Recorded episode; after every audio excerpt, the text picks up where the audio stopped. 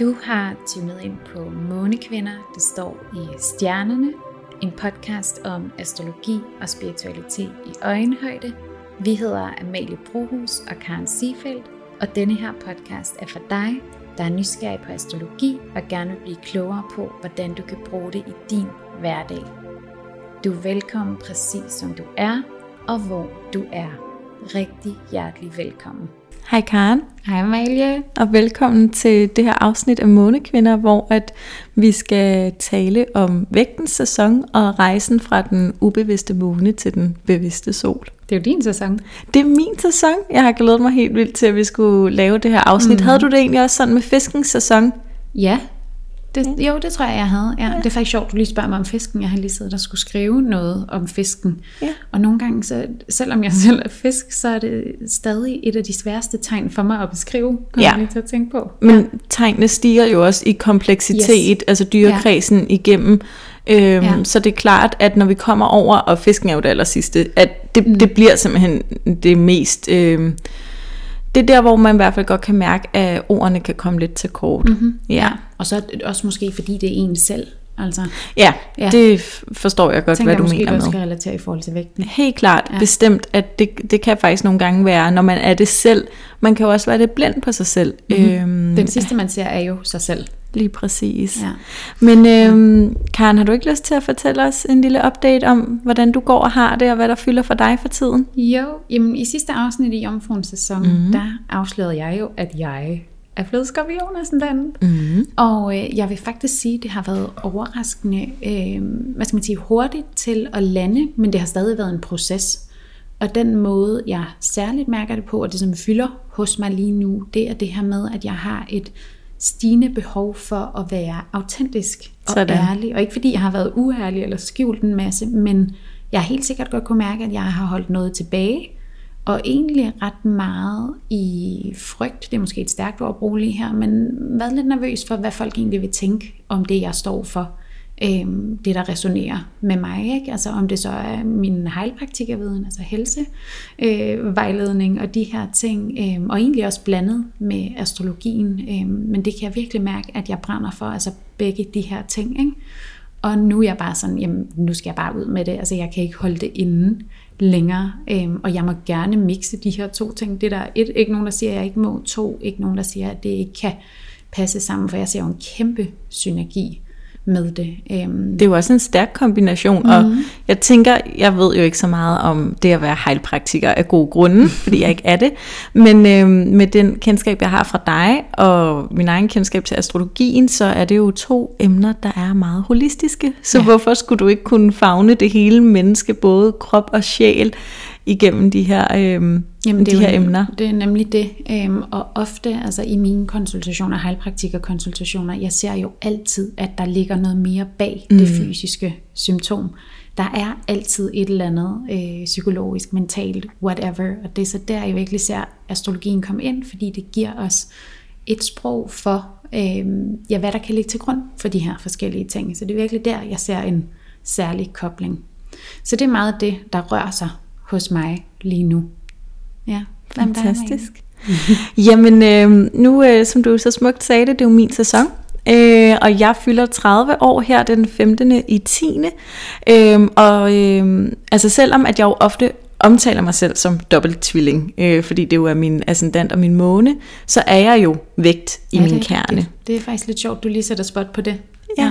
Fordi det er jo tit, mm. jeg tror også, øhm, i hvert fald for min egen oplevelse af at være dobbelt tegn, at mm. den energi er jo meget tydelig. Mm. Men min kerne er jo min sol, og det er vægten. Øhm, og øh, for mig, øh, jeg elsker at blive ældre. Altså det er den største gave i min optik. Øh, der er mange, eller nogle gange hører jo folk, der er det her med alder er bare et tal, og det er jeg også sådan enig i til dels, men samtidig så har det sådan, men jeg elsker at blive ældre. Jeg synes, det er en enorm gave. Jeg synes kun, at jeg bliver klogere og mere grounded, lander mere i, hvad det vil sige at være mig, og mere vis, og ja, altså jeg føler bare, at der kun kommer øh, gaver med at blive ældre, så jeg synes også virkelig, det er noget, jeg jeg sætter jo utrolig stor pris på, og som jeg tillægger en, også en enorm værdi, det her med at, øh, at få et år øh, mm. mere, øh, fordi det er et år med indsigter, der har været med til at altså, få mig videre på min rejse og givet mig ja, et nyt ståsted. Ja, det er altså meget beundringsværdigt, synes jeg. Og det er faktisk noget, ja, jeg kan huske sådan helt fra starten af vores relation, der har du sagt de der ting, og så mm. begyndt at hæfte mig mere og mere ved det. Ja. Øhm, det er jo sådan, alle burde se det i virkeligheden, for det er jo en kæmpe gave. Altså, altså jeg tænker jo også tit det her med, hvad er alternativet? Mm-hmm. Altså, der, altså ja. alternativet, det er jo i hvert fald ikke et, jeg vil foretrække, så at blive ældre hver dag i livet er virkelig en gave, og ja. hvert år vi får i livet er en ja. enorm gave. Øhm, så på den øh, del øh, er, jeg, er jeg bare mega øh, glad hver gang jeg har fødselsdag, fordi mm. det er skønt, og så synes jeg jo, det er lidt særligt, når man fylder 30 år. Både sådan, øh, altså samfundsmæssigt er det jo et tal, vi, øh, vi hører meget om, sådan mm. at når man er 30, så er man rigtig voksen, og man skal være etableret alt muligt pis, ikke? Altså, ja. øhm, men astrologisk er det jo også et super interessant år, fordi at man siger, at man typisk modnes ind i sin solplacering omkring 30 års alderen. Og det er jo ikke sådan, at man kan sige, at okay, så når jeg fylder 30 øh, her den 15. i 10. Jamen, så pling, så er jeg bare blevet vægtesol. Mm. Øh, men jeg kan i hvert fald øh, mærke, at min vægtesol, den er blevet meget tydelig for mig her, særligt de sidste par år, mm-hmm. på en helt anden måde, end den har været. Også apropos det, du lige siger med din egen fiskesol, at ja. Når det er en selv, det kan faktisk godt være lidt konfust, eller sådan lidt svært at få sat de helt rette ord på. Ikke? Mm. Hvordan mærker du det så? Altså, Jamen jeg mærker, der, undskyld, hvad sagde du? Hvordan mærker du den så? Hvad er der, hvad er der blevet anderledes, så at sige? Jamen, faktisk vil jeg sige, at det er simpelthen det, at jeg mærker vægtens kvaliteter tydeligere i mig. Mm. Så jeg mærker, øhm, før har jeg rigtig meget mærket min tvillingenergi. Så jeg har været øh, super snaksalig, udadvendt, haft tusind bolde i luften, øh, bare kørt derud af, øh, haft tusind relationer, tusind aftaler. Øh, hvor at jeg her jo tættere jeg kommer på mine 30 år, så mærker jeg meget det her med sådan harmoni og balance som et vigtigt tema. Så både sådan det der med at mm skrue op og skrue ned, for eksempel for det sociale, eller for hvor meget jeg øh, ja, jonglerer af forskellige ja, arbejdsopgaver osv. Øhm, jeg mærker også vægten sådan, øhm, hvad skal man sige, der kommer også en vis nøgternhed fra øh, vægten. Mm. Øhm, mine relationer, som jo også knytter sig til vægten, synes jeg altid har været vigtige. Øhm, og så synes jeg bestemt også, der kommer øh, noget fra, jo mere jeg modnes ind i vægtens tegn, jo mere får jeg også pla- eller fat i de dele af vægten, som integrerer vædderen, som gør, at jeg står mere stærkt i mig selv, og ah, grounder mere ja. i mig selv. En, sådan, der er jo ingen tvivl om, at jeg ikke er vædder, men jeg kan mærke den der vædder energi i, at jeg tør mere og mere at tage min plads, mm. og at sige min mening, øh, hvor at jeg før i tiden har trukket lidt mere på, øh, eller mærket mere af vægten, sådan plisende energi mm-hmm. og kompromissøgende energi, og der kan jeg godt mærke, at jeg bliver sådan mere, om jeg må også gerne have en mening. Det må alle andre omkring mig også, ja. øh, men jeg må også godt have min. Det giver mening, og hvis der nu lige sidder nogen derude og tænker, hov, hvor kom vædderen ja. ind i billedet? Det er fordi, vi skal lære, altså vores soltegn skal lære af det modsatstående tegn, og ja. vædderen står over for vægten, og sådan kører det hele vejen rundt. Det skal vi nok lige komme ind på, men det var der, vædderen lige kom ind. Ja, lige præcis. Øhm, og jeg tænker, at det ofte også hænger øh, sammen med, at man her i slutningen af sine 20'er går sin Saturn-runde, og den vej igennem, så bliver man stillet over for en modningsproces igennem at tage ansvar, og det tænker jeg også er noget af det, der gør, at man typisk begynder at mærke solplaceringen på en anden måde, der når man rammer sine 30 år. Og så siger man jo også, at man de første 30 år gennemlever temaer fra sine tidligere liv. Så det må jeg da også indrømme, at jeg glæder mig til at øh, komme over på den anden side ja. øh, af det tal. Så jeg, jeg er bare virkelig sådan glad og spændt på at fylde 30 af forskellige årsager. Ikke? Øhm, og udover det, så øh, står jeg også et sted, hvor jeg, sådan, jeg er enormt nysgerrig på mig selv, og mærker en både, at jeg er i gang med at tage endnu et øh, nyk øh, dybere eller opad, eller hvad vi skal kalde det i min spirituelle udvikling i forhold til min egen praksis. Mm-hmm. Øhm, jeg får nogle gange sådan nogle, ja, jeg skulle til at sige, øh, altså åbenbaringer lyder sådan lidt i ved, øh, mere øh, højdragende end det er, men jeg får bare nogle gange sådan, at jeg kan mærke ligesom, tager et, et, øh, et, et stort trin, hvor mm. lige pludselig, hov, nu står jeg et nyt sted i forhold til min egen spiritualitet, og i forhold til, hvad jeg har adgang til inde i mig selv.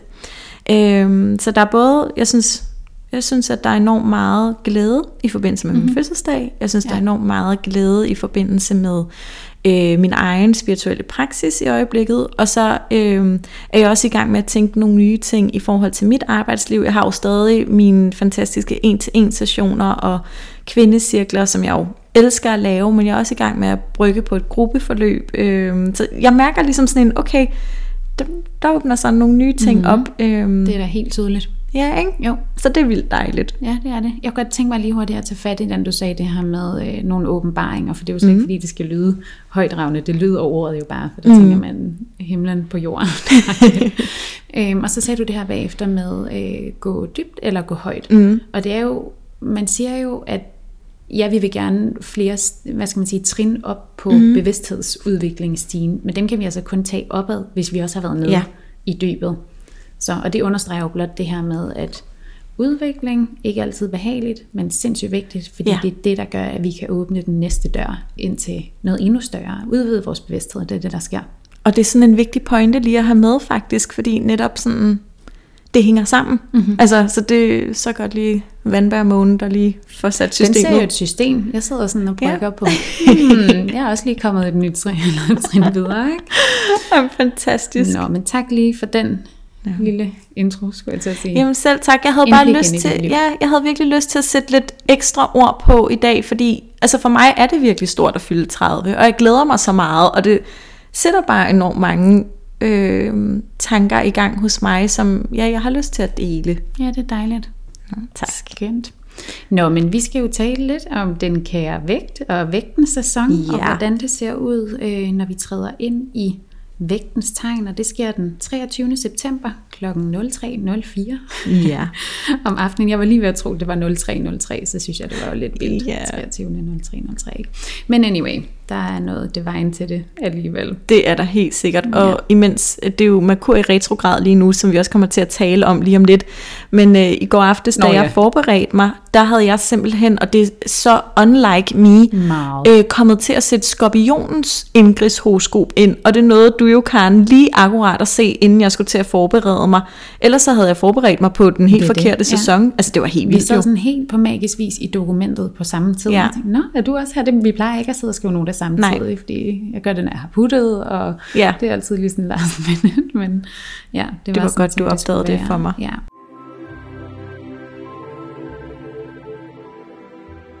Nå, men solen står i vægtens tegn, og nu har vi jo allerede snakket lidt om den kære vægt, men vægtens tegn handler helt kort om balance, harmoni og relation mellem mennesker, særligt harmonien og balancen mellem menneskerne, vi omgås. Øhm, man kalder også vægten for relationernes tegn, og den hersker over syvende hus, som det vi på astrologisk kalder for besøgsværelset. Jeg vil altid kalde det for venteværelset. Det, det er fordi, du har et praktiker. Jeg tror, du er naturlæge, og derfor så... Så er det venteværelset. Så er det venteværelset. Lidt af det samme, men det er besøgsværelset. Yes. Det er der, hvor andre mennesker kommer ind i vores liv, om det så er kærester, veninder, øh, hvem det er, kollegaer, vi møder på vores vej. Øh, ja. Det er her, de kommer ind. Øh, så er vægten et lufttegn af den kardinale dynamik, og fælles for lufttegnene er, at de tænker meget. Så vægten kan godt lide at tænke, øh, de har også med overblik at gøre, og så er de enormt sociale. De er nemlig udadvendte tegn. Tvilling og vandbæren hører også til, de, øh, eller til lufttegnene, og generelt for dem kan man altså sige, at de er gode til at danne sig overblik og have med mennesker at gøre. Og det, eller de kvaliteter kommer så til udtryk på forskellige måder. Øhm, I vægtens tegn, der handler det jo meget om jamen, mennesker og relationer. Øhm, og når vi siger, at vægten er kardinal, så har den altså denne her øh, enorme vilje, øh, viljen til at gå i en retning, uagtet hvad andre måtte tænke om det. Øh, vægten blev ofte beskyldt for at være ubeslutsom. Og det kan man også godt sige har et græn af sandhed. Er det ikke det, man siger? Jo, ja. et græn af sandhed. I de, øh, I de ubevidste, eller i de unge år, hvor vi ja. typisk er ubevidst. Øh, men vægten kan sagtens tage en beslutning, og det er virkelig gerne noget, jeg vil understrege. Øh, og det kan den særligt, når det også kommer til relationer. Det er særligt der, sådan det kardinale princip kommer til udtryk, udtryk for vægten, sådan som jeg ser det. At vægten ved sagtens, hvad den vil, og hvem den vil. Den skal bare tage beslutningen på det mest oplyste grundlag. Det kan godt tage noget tid.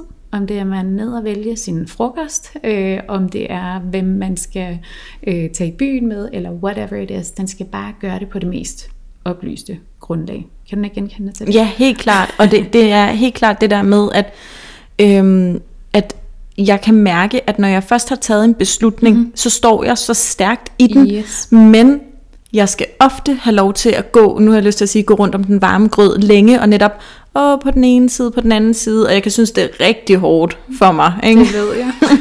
Når jeg skal, jamen, det ved du, du skal jo tit lægge øre til, hvis jeg skal tage et valg, og jeg synes bare, at det er så i så åh, så hårdt. Men altså så helt klart den her proces i, at Ja.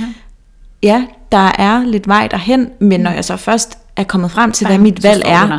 Ja. så, er der, så er der ingen tvivl. Nej. Altså så er alt tvivl Ja, forsvundet. det er nemlig det. Ja. Og det er nok fordi, der når du jo til det bevidste stadie, kan man Ja. ja. sige, ikke? og har, øh, har lært lidt fra det modsatstående tegn, vedrørende sig. Ja. Bum, nu er det her, jeg står ikke mere biks med det, Ja. og så er det bare videre. Jamen, helt klart, og som du også siger så smukt det her ord, overblik, fordi jeg føler jo, hvis jeg har fået lov til at veje for ja. Ja. og imod længe nok, jamen så har jeg overblikket, hvor at for mig, øhm, og det må I andre vægte jo give os en melding, om I også mm. har det sådan her, men, men det her med, at det kan næsten, hvis jeg står over for et valg, så kan det føles som om, jeg er sådan zoomet helt ind, og jeg kan ikke se det store billede, men jo mere jeg ligesom får lov til at ja, veje ja. For imod, jo, jo tydeligere bliver det, okay, hvad er egentlig Mm-hmm. Hvad er det, jeg skal vælge her? Ja, hvad, jeg får overblikket. Ja. Lige præcis. Og så kan jeg, okay, det er mm. det, jeg skal. Ja, det giver mening. Så kan man også sige, at øhm, vægten øh, er en af, nu skal jeg passe på, hvad jeg siger, men er Ja, en af dyrkrisens to pæne tegn. Ja. Og det er den sammen med jomfruen. Ja. Øhm, og jeg vil faktisk nogle gange gå så vidt at sige, at de godt kan plise. Ja, helt Både klart. og jomfruen. Undskyld. jeg ved ikke, hvad der skete for min stemme. Der mistede jeg den bare sådan gradvist. Ej, det er frygteligt. Det har jeg prøvet mange gange, og det er ikke sjovt. Nej. Nå, anyway, de kan godt være lidt plisende, og særligt i de unge ubevidste, mm. og øh, kan de have tendens til, eller nu lige, øh, hvis vi skal se på vægten, øh, det her med at vælge harmonien og balancen frem for, hvad det egentlig er, man selv gerne vil, mm. men simpelthen vælge det for fredens skyld. Ja. Tænker man, nå, så det pakker jeg bare lige lidt sammen og holder mig lige lidt tilbage med det, fordi vi skal have harmoni og balance for enhver pris, ikke? Og det er jo heller ikke sundt, når man når dertil. Så der ligger virkelig også en rejse for vægten i at blive bevidst omkring det, og ture øh, egentlig at være nøgtern og stille sig frem og sige, jamen det her det er sådan, jeg har det, så må I tænke at rimeligt. Øh, og heldigvis er vægten jo enorm, øh, har fantastiske sociale egenskaber, så den skal jo nok klare det, men det, jeg tror det er skræmmende for en vægt at stille sig frem og være lidt på spidsen og sige, sådan her har jeg det, Bestemt. og så må I selv finde ud af, hvad I synes mm. om det, ikke? Ja, man. Ja. siger jo faktisk også øh, i forbindelse med det, at især øh, jamen, det ligger til centrale vægteplaceringer, både solen i vægten og ascendanten og også MC, at ofte mm-hmm. når man har sådan nogle meget tydelige vægteplaceringer, Månen. Jamen ikke helt på samme måde med månen i forhold til det, jeg lige vil sige nu. Okay. Øhm, det er, at ofte så vil de stå over for at skulle træffe et valg yes. I forhold til, hvad er det, der er vigtigt. Øhm, og det er jo lidt skræmmende i sig selv for vægten, at skulle stille sig på noget og sige, altså for mit vedkommende har det jo været meget tydeligt, at det har været, for eksempel, når jeg tror på astrologien, og nu stiller jeg mig her Wow. og er meget tydelig med det. Øh, altså det er et valg at træffe, øh, som Jamen det er jo ikke alle, der tror på astrologi, og det behøver alle heller ikke at gøre. Men jeg tror på det, og jeg står i det. Og sådan vil vægte, når det især er sol, MC eller ascendant, så vil man ofte skulle stille sig og træffe et valg om et eller andet. Det behøver ikke være astrologi, vel? Men øh, jeg håber, det giver mening Det som giver et rigtig eksempel. god mening, ja. Og grunden til, at vi ikke tager månen med her, det er fordi månen er, hvad skal man sige, den ubevidste identitet. Ja, den er meget mere med følelserne, og det, Ja. det er ligesom ikke så meget, hvor man er på vej hen. Det er mere det, man kommer fra. Ikke? Ja, ja. ja, lige præcis. Det, der har været plads til i vores unge øh, tid, ikke? eller i vores barndom. Ja, så i vægtens sæson, så er det altså oplagt at rette fokus mod øh, vores relationer, og særligt balancen her i. Øh, det er enormt vigtigt for vægten, at der er den her balance, og det kan der altså også godt være, selvom man er bevidst. Det er jo dejligt at have balance, og det er jo, som du også siger, Amalie, den helt store opgave øh, for særligt vægten, at finde balancen, særligt i sine relationer. Så øh, det var lige lidt om Ja vægten, bare lige sådan overordnet. Ja, og man kan sige, den energi, der på en eller anden måde holder os som ramme i den her sæson. Ikke? Hvis vi lige går sådan ind i vægten fra den mere sjælelige dimension, så har vægten et esoterisk motto, der hedder, jeg vælger vejen mellem de to store kraftlinjer. Og øhm, det taler egentlig også rigtig smukt ind i det her med harmoni og balance, øhm, fordi at de to store kraftlinjer, de repræsenterer henholdsvis den ydre verden og den indre verden. Og det er jo også noget, vi har talt om før her i podcasten. Øhm, men hvor at vægten ligesom står her, at jamen, den vælger ligesom vejen i midten, altså den balancerer både det indre og det ydre, og jamen, hvis vi kun er i den ydre verden, så er der kun et ydre materialistisk fokus. Er vi kun i den indre verden, jamen, så sidder vi og mediterer 15 timer i døgnet. Ikke? Altså, så når vægten vælger øh, vejen i midten, altså jeg vælger vejen imellem de her to, så vil det jo virkelig sige, at den har et fokus på at balancere øh, det her med at være sjæl i krop, altså bevidstheden om, at ja, jeg er fysisk, jeg er et menneske, øh, men jeg er jo også krop og ånd, og, nej, ja, krop clearly, men jeg er også mm. ånd og sjæl og energi og alt det ja. her, ikke? Og det synes jeg bare er sådan en smuk øh, dimension af vægtens tegn, og igen folk med centrale vægteplaceringer, øh, Igen vil jeg faktisk fremhæve solen, ascendanten og MC lige mm. her, øh, at der ligger det her tema om at kunne være porten for den indre vej. Jeg skulle lige til at ja, sige det. Ja. For andre mennesker, altså at være et menneske, hvor at når jeg, når jeg møder dig, jamen så, øh, så, så bliver der åbnet op for, at jeg får inspiration til at gå på min egen indre vej. Mm-hmm. Øh, det kan også være på andre vigtige placeringer. Nu er det bare lige jo, men som en overordnet snak. Ikke? Ja. Øhm, og så har vi jo Merkur i retrograd uh-huh. lige nu. Woohoo! Øhm, og øh, Merkur står lige nu retrograd i vægtens øh, tegn. Øhm, og øhm, det gør den altså også her, når vi går ind i vægtens sæson.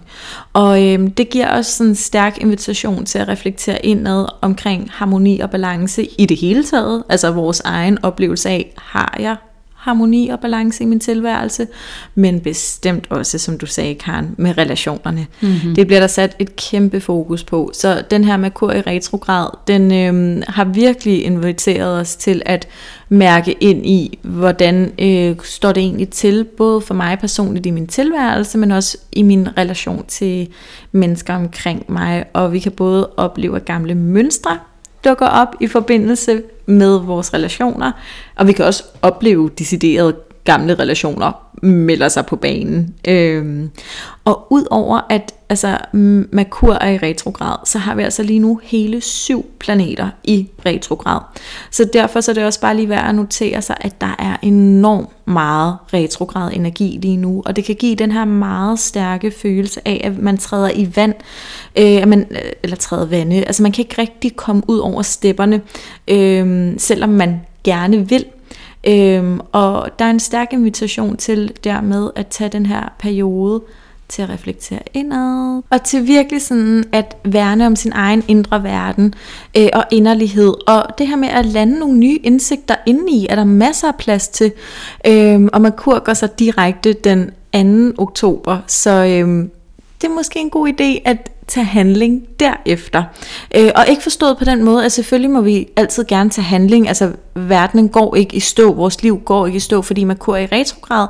Men den her periode er bare ikke en tid til at prøve at presse noget igennem, eller at sætte helt nye ting, øh, hvad hedder sådan noget? Sæt, ja, ja lige det er præcis. du fuldstændig ret i. Ja, ja, så det er mere det der med, at man skal ikke presse det igennem. Lige Hvis du føler flow, fint nok ud med det, men ikke det der med, at det skal død og pine være nu. Nej, og hvis du lige så godt kan vente til efter den 2. oktober, så vent til efter den 2. oktober. Ja. Altså, men det er jo ikke alle de ting, vi allerede er i gang med. Altså netop, Nej, ja. livet stopper ikke, øh, eller holder pause bare fordi Merkur går i retrograd. Øhm, og selvom de her syv planeter er i retrograd, øh, så det, det samme det gælder. Og det er særligt her i september og oktober, at vi har rigtig mange planeter i retrograd på samme tid.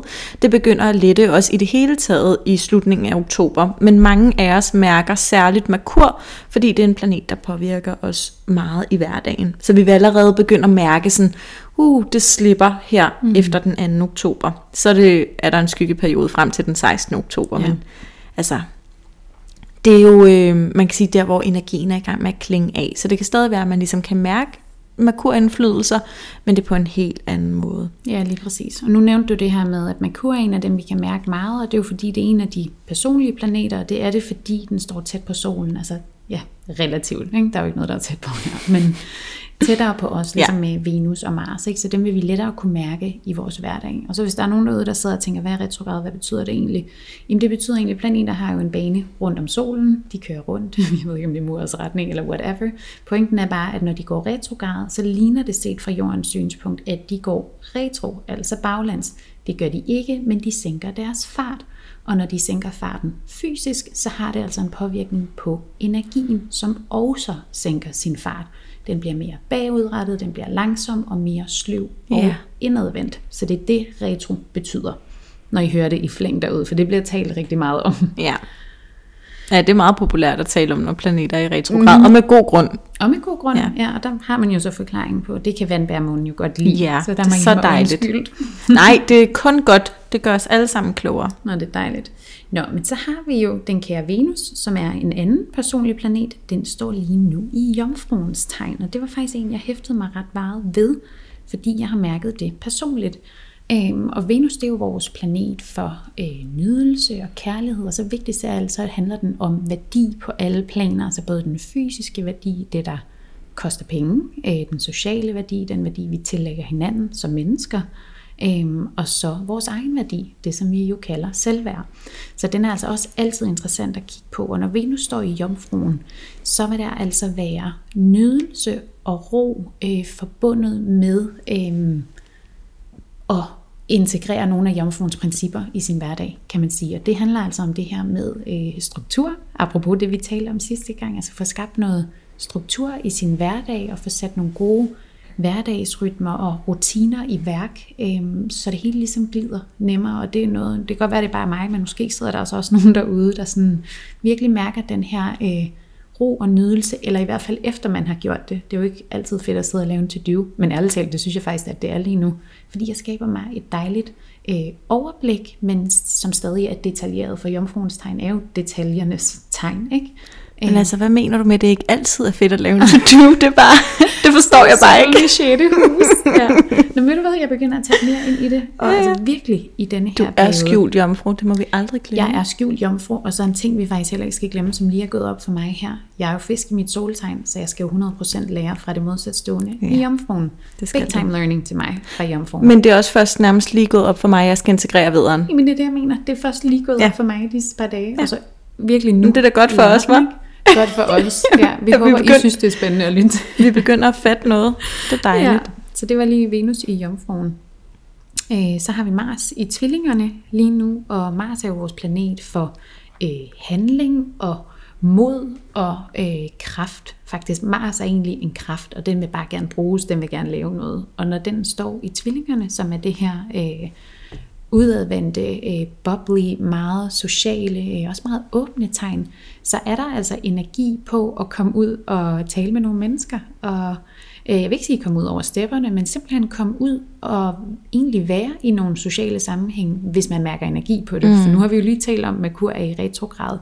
Men øh, sådan som jeg ser det, så er Mars i tvillingerne altså svært at lægge låg på. Så der vil være denne her øh, indre trang, kan man måske sige, til at komme ud og tale med nogle mennesker, til at komme ud og være blandt nogle mennesker, høre om nogle nye ting, for det er jo en af de fantastiske ting ved tvillingerne. Den vil jo bare gerne suge en masse viden til sig, og den er aldrig fordømmende.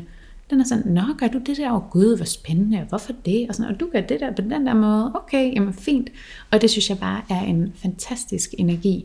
Jeg tror faktisk også selv, jeg mærker den lige nu. Jeg har lyst til at komme ud blandt mennesker. Ja, ja. fedt. Fedt. det er sgu da fedt, siger dobbeltsvillingen. Nej, det er godt. Okay. Ja. Øhm, vil du tage Pluto? Det vil jeg faktisk gerne. Ja, så jeg har lige, øh, ja. ja, nu, nu kan I høre, at jeg har lige taget de lidt mere personlige planeter, mm-hmm. altså Merkur og Venus og Mars, ikke? Øh, men så har vi altså Pluto, øh, som er en kollektiv planet, ja. kan vi jo sige, ikke? Men vi mærker den rigtig meget, for det er planeten for vilje og for transformation. Øhm, lige nu der står Pluto i stenbukken, og det har den gjort i et godt stykke tid, men der går ikke længe, før den hopper ind i vandbærens tegn. Øhm, så når Pluto står i stenbukken, øhm, eller sådan som jeg mærker det lige nu, det er, at vi er under sådan meget store øhm, kollektive, altså sådan strukturelle og samfundsmæssige ændringer. Jeg ved ikke, om det er bare mig, der mærker det, men, men en ting, jeg sådan hæftede mig ved forleden dag, det er jo det her med, at vi står jo virkelig midt under et kæmpe skift fra at gå fra øhm, ikke fornybar energi til ny energi. Mm. Jeg tænker bare sådan lidt større lige nu, ja. sådan, hvad oplever man, hvad sker der egentlig i samfundet, når de her planeter står og skifter tegn? Altså der er virkelig noget med et valg, der skal tages, om hey, øh, vi kan ikke blive ved med at brænde øh, alt muligt af, der skyder CO2 ud i atmosfæren, like there was no tomorrow, ikke? Mm-hmm. Det er jo simpelthen forfærdeligt at tænke mm-hmm. på, så, man, så jeg tror ikke, det er for sjovt, at der er den her, det her store skift Nej. lige nu over til mere fornybar, altså grøn energi, se elbiler og alle de her forskellige ting, ikke? Øhm, og nu er jeg ikke særlig politisk orienteret, men der sker jo også mange ting på den politiske øh, scene, kan jeg også se. Det kommer mm. ikke til at gå mere ind i, men det er bare nogle ting, der sådan er værd at lægge mærke til. Altså, der sker nogle store skifte lige nu, og det er meget overordnet, altså kollektivt, og sådan er det med de store planeter, både Pluto og Uranus, øh, Neptun og ja, Marke Marke, hvad har vi derude ja. ikke? Ja. Så den synes jeg bare er meget interessant at have med. Jamen helt bestemt. Øhm, og så har vi jo så Jupiter, der står i vederens tegn. Og Jupiter, den er jo sådan lidt sjov in between. Der kan nogle gange være lidt diskussion, om den er personlig eller om den er kollektiv. Øhm, men Jupiter, det er jo vores glæde. Og lige nu, når den står i vederen, så er der jo glæde ved at komme ud over stepperne. Øh, og det kan jo godt føles lidt uforløst, når vi har så meget retrograd energi. Øhm, så der er lidt sådan en... Øhm, et tema om at netop at finde en masse glæde ved alle de ting, du gerne vil, og så samtidig have tålmodighed på, at de skal nok få lov til at udfolde sig, når god. vi får en åbning i energien igen. Mm. Øh, og det er jo som sagt allerede efter 2. oktober, at der går Merkur direkte, øh, så, så der begynder der at komme en åbning, og den åbning bliver bare øh, stærkere og stærkere i takt med, at flere og flere af de her planeter øh, går direkte. Øh, men Jupiter i vederen, det er bare glæden ved at komme ud over stepperne. Øh, og øh, så hvis vi kigger på sådan øh, selve solen, så står den i en konjunktion sammen med øh, Venus, Merkur og Magge Magge. Øh, og det giver sådan en stærk energi, at den her sæson handler om at gå og stå selv med sine værdier, med sin egen feminine energi, og der skal vi huske, at feminin energi rummer begge køn, mm. ligesom vi rummer maskulin energi. Så det er altså den her energi af at læne sig ind i øhm, ro, nydelse, nærvær, tilfredshed, at være til stede i nuet. Øhm, øh, og ligesom den her feminine power i at, øhm, i at stå jeg får sådan et meget billede af det her med at være sådan en stærk kerne øh, i sig selv, med en enorm ro i at, hey, jeg står her i min egen feminine styrke, mm. øh, og det er ligesom fra den, jeg træder ud i verdenen. Ikke? Og her har jeg særligt fat i solen og Venus og Magge Magge, når jeg taler om det her. Og så står Merkur der også, og Merkur er jo vores planet for kommunikation, mm. så vi får også invitation til at få sat nogle ord på, både hvem er det jeg er, hvad er det mine værdier er, hvordan står jeg i min egen ro og væren og feminin energi, mm. men bestemt også min egen selvstændighed og min evne til at gå og stå mm. selv. Så der kommer faktisk en, en invitation til at være tydelig omkring øh, det her øh, mm. i vægtens sæson. Øh, og vil også få bevidsthed på det, sidder jeg lige og tænker. Helt klart med Merkur. sådan her, ikke? Ja, med, ja, på et højere plan, ikke? Altså, for der er Merkur jo styrer hele vores bevidsthed. Ja, jamen, ja Helt klart. på, hvor vigtigt det egentlig er at få det feminine integreret. Altså, ja. Ja, lige præcis. Ja. Og man kan jo også sige, at Merkur er jo den eneste planet, der ligesom kan rejse igennem hele vores chakrasystem. Så der er jo sådan en fuld integration af mm-hmm. øh, det guddommelige feminine, og især mm-hmm. også fordi vi har både indflydelser i den her konjunktion øh, fra vægtens tegn, øh, hvor solen og, nu bliver jeg faktisk lidt i tvivl, er det solen og Ja, solen og Makke Makke og Merkur står i vægten, så ja. der har vi det her med harmoni og balance ja. og relationer, alt det vi talte om. Mm-hmm. Øh, men så har vi så øh, Venus, som jo som sagt stadig ja. står i Jomfruen, og det giver jo så altså den her sådan... Øh, som vi også talte om sidst, jeg er moderen, jeg er barnet, jeg er Gud, jeg er materie. Ikke? Den her guddommelige, feminine energi, og det øh, indsigten i, at det guddommelige ligger i alting. Ikke? Mm-hmm. Så der er en stærk integration, øh, helt energimæssigt, der ligger her. Og øh, den her øh, konjunktion, den udgør altså halen i et dragemønster. Og øh, den faste lytter vil kunne huske, at halen i et dragemønster, det kalder man også for Guds pegefinger, og det betyder egentlig bare, at det her punkt er enormt vigtigt. Så det vil sige, at at være os selv, altså solen, forbundet til vores feminine energi og øh, vores værdier, ro, nydelse, Venus, vores formidling igennem Merkur og bevidstgørelse, mm. bevidsthed, og så vores selvstændighed igennem Magge. Det bliver enormt vigtigt. Øhm, Udover det, så udgøres det her dragemønster altså af Pluto i stenbukken, Neptun i fisken og Uranus i tyren. Energien vi får fra Pluto, det er, at vi bliver bedt om at vælge de her forskellige ting til. Så vi bliver bedt om at, eller man kan sige, den er jo sådan, enten åbner den op for det, eller også lukker den ned for det, det giver os altså et valg. Vælger jeg at stå stærkt i mig selv? Vælger jeg min selvstændighed til? Vælger jeg at formidle de ting, jeg ønsker? Vælger jeg at gå ind i min egen bevidstgørelse? Øh, og vælger jeg at være stærkt forbundet til min øh, feminine Venus-energi? Fra Neptun, som jo stadig står i fiskens tegn, der får vi en enorm intuition, øh, eller intuitiv impuls i den her sæson, og vi bliver virkelig endnu en gang inviteret til at forbinde os til vores egen spiritualitet og åbning opad til. Øh, med Neptun makke makke aspektet, øh, som jeg egentlig synes er et super interessant aspekt, der får vi sådan en, øh, en invitation til at gå og stå selv med vores intuition. Mm-hmm. Øhm, så det vil altså sige, at det her med, det er jo altid fint, vi kan gå ud og spare med vores omverden og få nogle inputs, men vi skal hele tiden huske at vende tilbage til os selv og vores egen indre visdom. Ja. Okay, så nu har jeg et eller andet dilemma, jeg deler det med dig, Karen. Der kommer nogle inputs, og så skal jeg lige huske at komme tilbage til mig selv. Okay, Karen sagde sådan og sådan, og hvordan føles det så ind i mig? Altså, jeg skal ligesom vende tilbage til mig selv hele tiden. Det er det, vi bliver inviteret til af den her Neptun Makke Makke. Øhm, konstellation. Øhm, og øhm, altså Neptuns indflydelse her giver også sådan, ud over intuition og åbning opad til, så giver det en stærk sådan, forbindelse til vores drømme, og når Pluto og Neptun taler sammen, er der en stærk invitation til at vælge vores drømme til. Øhm, og det er jo også ret smukt her, at vi kan gå, når der er så meget retrograd energi og reflektere oh, hvad er det, jeg drømmer om, hvad er det, der kalder mm. på mig, hvad er det, jeg gerne vil gå ud over stepperne med. Øhm, og når den retrograd energi så letter, så har vi noget bevidsthed på, okay, hvad vej er det, så jeg skal bevæge mig. Og så giver det egentlig også en smuk poetisk øhm, input, og vi vil øhm, kunne opleve, at især imens man går i retrograd, øhm, at hvis vi tager os tid til at få formuleret vores ting, så kan der ligge en enorm skønhed i den måde, vi får formuleret mm. vores budskaber på og når Merkur er ude af retrograd, så er den stadig mm. til stede, men der behøver vi måske ikke tage os lige så meget tid, for lige at sådan få det helt ret formuleret. Øhm, og så for Uranus, der får vi altså den her energi af, at der er enormt meget idérigdom i den her sæson. Der er øhm, enormt meget nye inputs, der er en fremadsynethed, der er en lyst til, at vi kan gøre tingene på nye måder.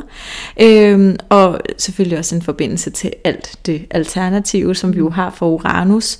Øhm, og Uranus har vi jo også stadig stående i tyren, som inviterer os til at lande det alternative på jorden og gøre det konkret, så det ikke bare bliver nogle fikse idéer, vi sidder og taler om på et eller andet overordnet plan. Øhm, Uranus handler også om frihed, øhm, og Pluto til Uranus handler om at vælge vores frihed til. Det er også noget, vi har talt om før, i forhold mm. til, at det handler ikke om, hvad du vil være fri fra, men hvad du gerne vil være fri til. Så det er jo også oplagt, altså de her både hvad drømmer jeg om, og hvad vil jeg gerne være fri til. Det er sådan nogle oplagte refleksionsspørgsmål at gå og brygge lidt på under den her retrograde periode. Mm. Ja. ja. Ej, virkelig fint beskrevet. Tak. Så vil jeg bare lige komme med en lille sidste en, jeg synes var lidt interessant, nemlig øh, vi har Saturn i vandbæren, og så har vi Ceres, som står i løven. Øh, og Ceres er jo egentlig øh, herskeren i jomfruen, ja. og Ceres kaldes også for den lille karma, faktisk kaldes den for den lille Saturn, og den handler om, øh, den handler om høst og forædlingsprocesser, kan man sige. Og når den så står i løven, og den står til med sammen med månen, så handler det altså om virkelig øh, at nære vores egen karakter og turde stå frem med vores egen karakter. Ja. Men når Saturn blander sig i en opposition, så er det også øh, et tegn eller et, øh, et vink om, at vi er nødt til at være realistisk om vores egen udvikling, fordi vi kan, vi kan kun rumme så og så meget af gangen. Ikke? Altså når mm. vi går de der skridt på bevidsthedsting, du er nødt til at tage hvert et skridt. Du kan ikke bare lige gå tre skridt op, og så er du der. Sådan er det nemlig ikke. Så der er også den her realisme øh, og ansvarlighed omkring vores egen karakterforædling.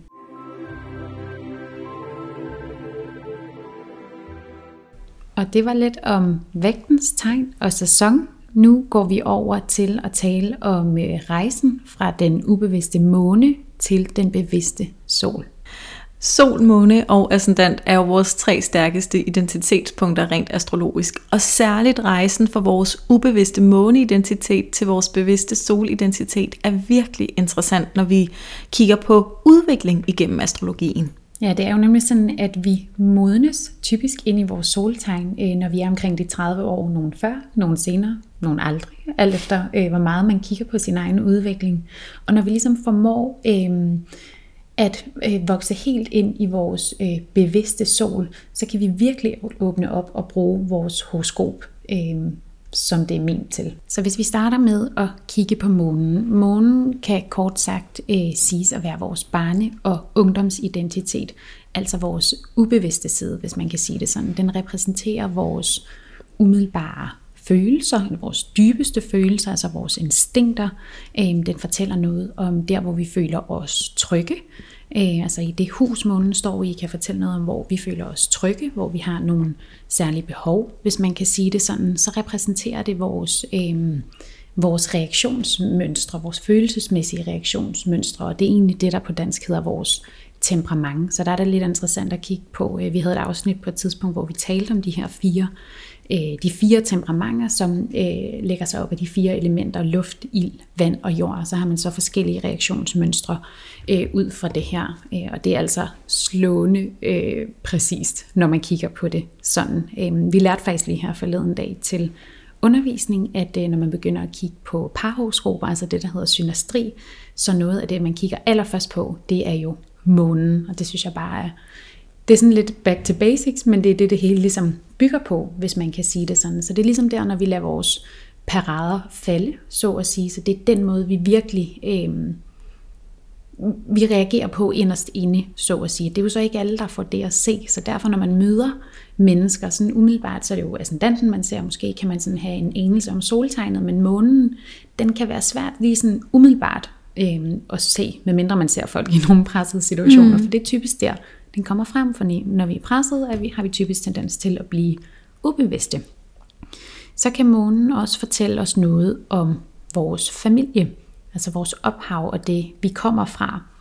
Månen øh, repræsenterer også øh, moren i horoskopet. Månen øh, kan altså fortælle noget om, hvordan man som barn har set øh, vores mor være især i relationen. Så den siger ikke noget om, hvordan er moren, men hvordan ser vi moren horoskopet.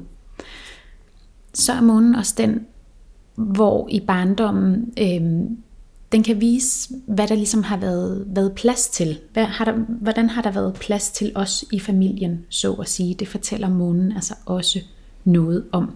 Så det er derfor, øh, søskner altså fra den samme familie, øh, kan have fuldstændig øh, forskellige måneder, der har været forskellige opfattelser af, hvordan har der været plads til mig? Har det været en vædermåne, hvor det bare har været øh, fokus på den og fuld fart frem, eller har det været en lille forsigtig jomfrumåne, som har pakket sig lidt sammen? Måske det er sat på spidsen, men jeg håber, det giver mening, når man siger det på den her måde.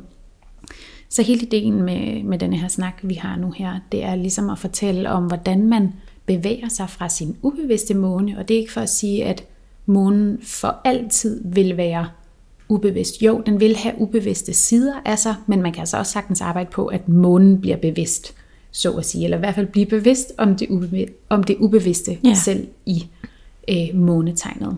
Men det vi skal tale om er, hvordan vi vokser ind i vores soltegn, for som vi nævnte før, så er det jo øh, omkring 30 års alderen, at vi sådan for alvor begynder at vokse ind i vores bevidste sol, så at sige. Ja, og vi forlader ikke månen, når vi modnes ind i solen, men det er ligesom sådan et ekstra lag, der åbner sig op, og vi, når vi er modnet ind i den her øh, voksne og bevidste solidentitet, så kan vi øh, holde rum for den her ubevidste måne. Øh, og solen er i sig selv vores kerne. Det er vores livskraft, vores vitalitet, og der hvor solen den står i vores horoskop, der er der ligesom sat spotlight. Øh, og man kan sige det sådan, at i og med at solen er vores kerne, så vil det også sige, at alt det, der ligesom er, øh, alt det, vi er i verdenen, bliver på en måde filtreret igennem vores sol. Altså vores ascendant er vores førstehåndsindtryk og den energi, vi sådan umiddelbart er i. Men alt, vi laver, det kommer jo igennem vores kerne. Så det er en rigtig, rigtig vigtig placering. Øhm, og det her med at lære vores sol at kende, øhm, er en udviklingsproces, en modningsproces, og det hele det handler i virkeligheden om at lade vores eget lys skinne. Så øh, solen handler om at være mig og åbne op for mit lys. Øhm, og det lys, vi har tilgængeligt, er vores eget indre lys, og det er faktisk et lys, der er helende både for os selv og andre. Så når vi tillader os selv at stå i vores kerne, så er der så mange, altså så meget kærlighed og healing i selve det standpunkt, altså når jeg tillader mig at være mig. Øhm, og når vi vokser som mennesker, så bliver vores eget lys også større, og det betyder også, at vores, øh, vi bliver mere rummelige, både over for os selv og over for dem omkring os. Øh, så det er sådan en rigtig smuk rejse, det her processen i at lære sig selv at kende, og at finde ud af, hvad vil det egentlig sige for mig at være min bevidste solidentitet. Øh, Rejsen fra den ubevidste måne til den bevidste sol er altid super interessant. Og i min optik, så kan det sammenlignes lidt med indre barnarbejde, uden decideret at være terapeutisk, men altså trækker lidt på nogle af det her med, at jeg med min voksne bevidste solidentitet, så kan jeg holde rum for min ubevidste måneidentitet. Lidt ligesom når jeg med min voksne bevidste identitet holder rum for mit eget indre barn. Øhm, og det er netop også det her, som du siger, Karen, med, at man kan øh, bevidstgøre det ubevidste. Det er jo også noget af det, man netop gør igennem den her proces, at selvom jeg altid vil have min måne, der vil ligge nogle helt ubevidste mekanismer og reaktioner osv., så, videre, så kommer der altså en bevidst sol til stede, der lige pludselig gør, at jeg kan se det og rumme det, og også arbejde med det fra et bevidst sted.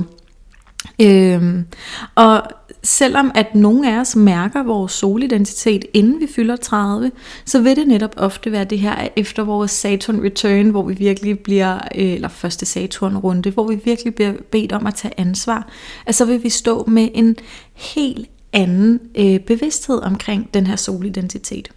Øhm, solen den øh, kan faktisk godt være lidt dobbelt rent astrologisk forstået på den måde, at på den ene side, så er det det allermest naturlige sted for os at gå hen. Altså for det er jo vores kerne, vores identitet. Man kalder det også den mindste modstandsfaktor, fordi det er let for mig at være i min sol, for det er jo det, jeg er. Men omvendt, så er det jo også en udviklingsrejse derhen, og det kræver bevidsthed og modning at komme derhen. Så den er sådan, øhm, jamen er på vej derhen helt naturligt, og det vil være det allermest sande, og nu siger jeg i gåsøjne, lette i verdenen at stå der, når man først står der. Men rejsen derhen er en udviklingsrejse. Øhm, og så er det ret interessant det her med, at solen den er, øh, ja nu har jeg sagt vores kerne et par gange, men det er egentlig øh, den placering i horoskopet, der er sværest at sætte en masse stikord på, fordi den ligesom bare er mm-hmm. mig. Men mærk lige, hvad for en power, der ligger i det. Ikke? Solen er mig. Mm-hmm. Øhm, og det vi så vil gøre nu for at sætte lidt ord på det her udviklingsrejse, det er at beskrive øh, de øh, både umodne og modne sider af hvert stjernetegn. Og øh, fordi vi gerne vil give jer alle 12 tegn i det her øh, afsnit, så bliver der altså nogle korte beskrivelser. Øhm, og grunden til, at vi siger umoden og moden, det er jo fordi, ja, alle tegn har både umodne og modne sider. Ofte vil det være sådan, at vores måne, den vil trække, altså hvis man har en måne placeret i et tegn, så vil man ofte trække på nogle af de umodne sider af det tegn. Men hvis man så arbejder meget med sin måne, får bevidsthed på sin måne, så kan det være, at man begynder at kunne trække mere på nogle af de modne sider af det tegn. Omvendt vil det ofte være sådan, at hvis vi har solen placeret i et tegn, så vil vi naturligt trække på de mere modne sider af et tegn. Men hvis vi nu ikke har arbejdet så meget med os selv, jamen så kan det godt være, at vi trækker på de ubevidste sider. Så når du hører det her og øhm, reflekterer over dine egne placeringer i sol og måne, så mærk lige efter, hvad resonerer med mig, øhm, og vær ærlig over for dig selv. Øhm, hvad resonerer med mig, når jeg hører min månetegn? Jamen er det de umodne eller de modne sider, eller et mix? Og det samme gør sig gældende for solen, fordi tingene er jo aldrig så sort-hvide. Så den ubevidste vædder kan godt have tendens til at handle hovedløst. Lidt det her med at kaste en bold op i luften og løbe efter den, øh, uden rigtig at vide, hvor den er på vej hen. Og så kan den altså også godt være ret temperamentsfuld. Ja, hvor den bevidste udgave af vædderen, den tager netop bevidste handlinger. Den er en leder, den er typen, der går forrest, og så har den sådan en stærk pionerenergi i forhold til at være god til at træde nye græsgange, selvom der ikke er andre, der har gået dem før. Den ubevidste tyr vil have tendens til at være lidt nydelsessyg. Det her med ikke at være i stand til at behovsudsætte, altså udsætte sine behov, og så kan vi den have tendens til at være materialistisk orienteret. Den bevidste tyr er skabende i sin karakter. Den er bevidst om sin nydelse, og så er den i stand til at se kvaliteter på en helt anden måde. Den er ligesom i stand til at se energier. Man siger også, at den ser med sit tredje øje. Så har vi den ubevidste tvilling. Den tænker og taler i en endeløs strøm og lidt uden retning. Øhm, så den kan tale, tale, tale, men hvad er indholdet egentlig? Øh, den har en enorm bevægelig energi, og det kan altså til tider gøre den flyvsk. Hvor den bevidste tvilling, den har en meget stærk og bevidst kommunikation og bruger sin stærke kommunikationsevne til at skabe bro eller bygge bro mellem mennesker via sit sprog. Den er nysgerrig, og den elsker at tilegne sig viden for at udvide sin egen horisont. Så har vi den ubevidste måne i krabsen, som er en ægte tryghedsnarkoman. Den har virkelig brug for at føle tryghed, hvor end den bevæger sig. Så har den også lidt den her klan-tendens, tendensen til, at det er kun de nære, der dur lidt ala, det er os, der er de gode, og de andre er de onde. Og det kan den både have med familie, det kan også være venner, eller den familie, den selv skaber, men det er særligt vigtigt og føle sig tryg, og det gør den altså kun med de nære, som den har valgt at lukke ind. Den bevidste krebs er i stand til at holde rum for andre, og derved udvide sin egen tryghedszone. Det er ligesom om den bevidste krebs, den finder altså ud af, at ved at skabe et rum for andre mennesker, så finder den faktisk denne her tryghed inden i sig selv. Den ubevidste udgave af løven, den er meget centreret om sig selv. Øhm, der har jeg simpelthen skrevet mig, mig, mig, og så de andre, hvis det gavner mig selv. Den kan både være dramatisk og også lidt nærtagende, hvor den bevidste udgave af løven, den handler også om at være sig selv, men det handler ikke om bare mig, mig, mig, og så de andre, hvis det gavner mig selv. Det handler om at være mig selv til gavn for andre, at være et eksempel til efterfølgelse, at stå stærkt i at være sig selv, øh, og stå klart i sit lys, så man kan bidrage med det, det er meningen, man skal bidrage med.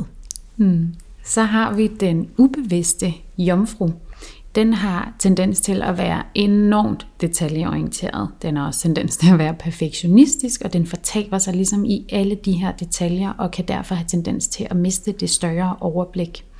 Derudover så kan den være lidt af en pleaser, og lægge låg på sine egne behov, øh, bare i frygt for, hvad de andre nu måtte tænke. Så har vi solen i omfruen.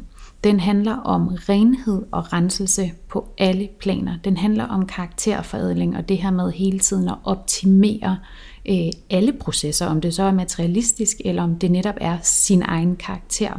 Åndeligt eller sjæleligt siger man også, at jomfruen er den åndelige fødselshjælper. Den er simpelthen den, der er i stand til at være til stede, når der fødes noget nyt i andre mennesker. Så hele dens tilstedeværelse er altså enormt helende. Den ubevidste udgave af vægten er en pleaser, og så er der virkelig det her tema om ikke at kunne træffe beslutninger. Ofte af frygten for at træffe en forkert beslutning. Hvor den bevidste udgave af vægten, den står rigtig stærkt i sin egen harmoni og balance, og den formår at skabe harmoni og balance mellem det ydre og det indre, og være stærk i sin egen kerne, og derfor ikke så plisende. Så har vi øh, skorpionen, og den ubevidste side af skorpionen vil have tendens til, tendens til at være meget kontrollerende. Den er måske også lidt magtsyg, øh, mistroisk, tror ikke på, hvad andre mennesker siger, og skal tjekke det efter helt ned i detaljerne, fordi sæt nu, hvis der var nogen, der sagde noget, der ikke var rigtigt. Så har vi når jeg den bevidste, øh, den undskyld, den ubevidste side af skorpionen kan også være meget intens til det punkt, hvor andre nærmest vil kunne føle, at øh, der bliver kigget direkte igennem den. Og så kan man jo sige, det er jo egentlig en fantastisk egenskab, men nogle gange skal, skal der lige skrues lidt ned for intensiteten. Den bevidste side i skorpionen, den handler om dybde, og så har den en fantastisk psykologisk forståelse.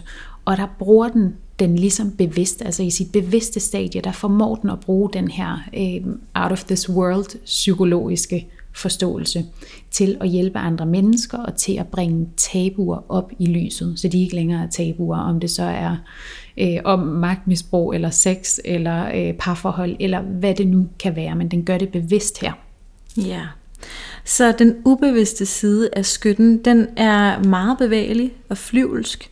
Øhm, den vil være meget i synsningernes verden, altså det her, hvor den kun er i forståelsen og ikke rigtig har nogen viden om det, den render og synes, men den synes noget, fordi det synes den. Øhm, og så kan der ligge det her med, at den ikke rigtig kan binde sig, fordi den er i frygten for, at hvis den binder sig til noget, så vil den simpelthen gro fast og stagnere i sin udvikling. Hvor den bevidste, øh, udgave af skytten, den ser de større sammenhænge, den har viden, der er koblet på dens forståelse, øh, og så er den i stand til at øh, se Jamen netop det her med at se de større sammenhænge, både filosofisk, åndeligt, samfundsmæssigt, øh, det kan være i forhold til sin egen spiritualitet, øh, og opdage, at den har evnen til at være sin egen guru, øh, og at finde sandheden inde i sig selv. Så har vi den ubevidste stenbuk, som virkelig handler om ambitioner og mål i tilværelsen, altså det her med de personlige mål i tilværelsen. Den er som nævnt meget ambitiøs, øh, ansvarlig omkring det, øh, lidt overdrevet ansvarlig vil jeg nogle gange sige, og har vildt svært ved at lægge ansvaret fra sig, altså få andre til at lave et stykke arbejde for den måske kan nærmest være uhørt, fordi den er bange for, at det ikke bliver gjort ordentligt. Og så kan den altså lukke af for følelserne og udskyde dem til et senere tidspunkt, men desværre også have tendens til at glemme den, for det var der ikke tid til lige her. Så har vi den bevidste side af stenbukken. Den er ligesom, øh, den er stadig ansvarlig, og den er også stadig ambitiøs, men den har ligesom fået øh, indsigt i, at det handler ikke om bare øh, at nå de her personlige mål i tilværelsen. Den finder ligesom ud af, at man, eller den skal nå de her mål for ligesom øh, at kunne give dens erfaringer videre til andre. Så når den ligesom står og skinner op i lyset, så ved den, at jamen, jeg er nødt til at vende om, for det her skal gives til nogle andre mennesker. Det er sådan meget øh, billedligt talt det her, men jeg håber, det giver mening hos ja. jer. Det synes jeg virkelig, det gør. Det er godt. Når vi har den ubevidste del af vandbæren, så kan vi godt have sådan lidt en Rasmus modsat. Siger man en ting til en vandbærer, øh, der er ubevidst, så får den lyst til at gøre det modsatte, selvom det måske ikke er det, den virkelig vil, men bare for at være på tværs. Øh, der er sådan lidt en, øh, et stærkt fokus i øh, at være fri fra og ikke fri til, øh, der ligger her, når man er i en vandbærer, øh, der er ubevidst. Øhm, hvor hvis vi går over i den bevidste udgave af vandbæren, så har den en enorm styrke til netop at zoome ind på, hvad er det, jeg gerne vil være fri til? Altså, hvad er det, jeg gerne vil? Den er idéernes mester, og den formår at omdanne øh, inspiration til tanker og ting. Altså, den formår virkelig at gøre sine idéer konkrete og give dem liv øh, på jorden, og der er en enorm fremadsynethed i sådan en bevidst vandbærer. Virkelig, virkelig god til at tune ind på, hvad er det nye, og hvor vi er på vej hen. Sidst men ikke mindst, så har vi fisken, og den ubevidste side i fisken vil have tendens til at være lidt grænseløs, og måske endda lidt kaotisk, ikke helt vide, hvor den selv starter og hvor den slutter.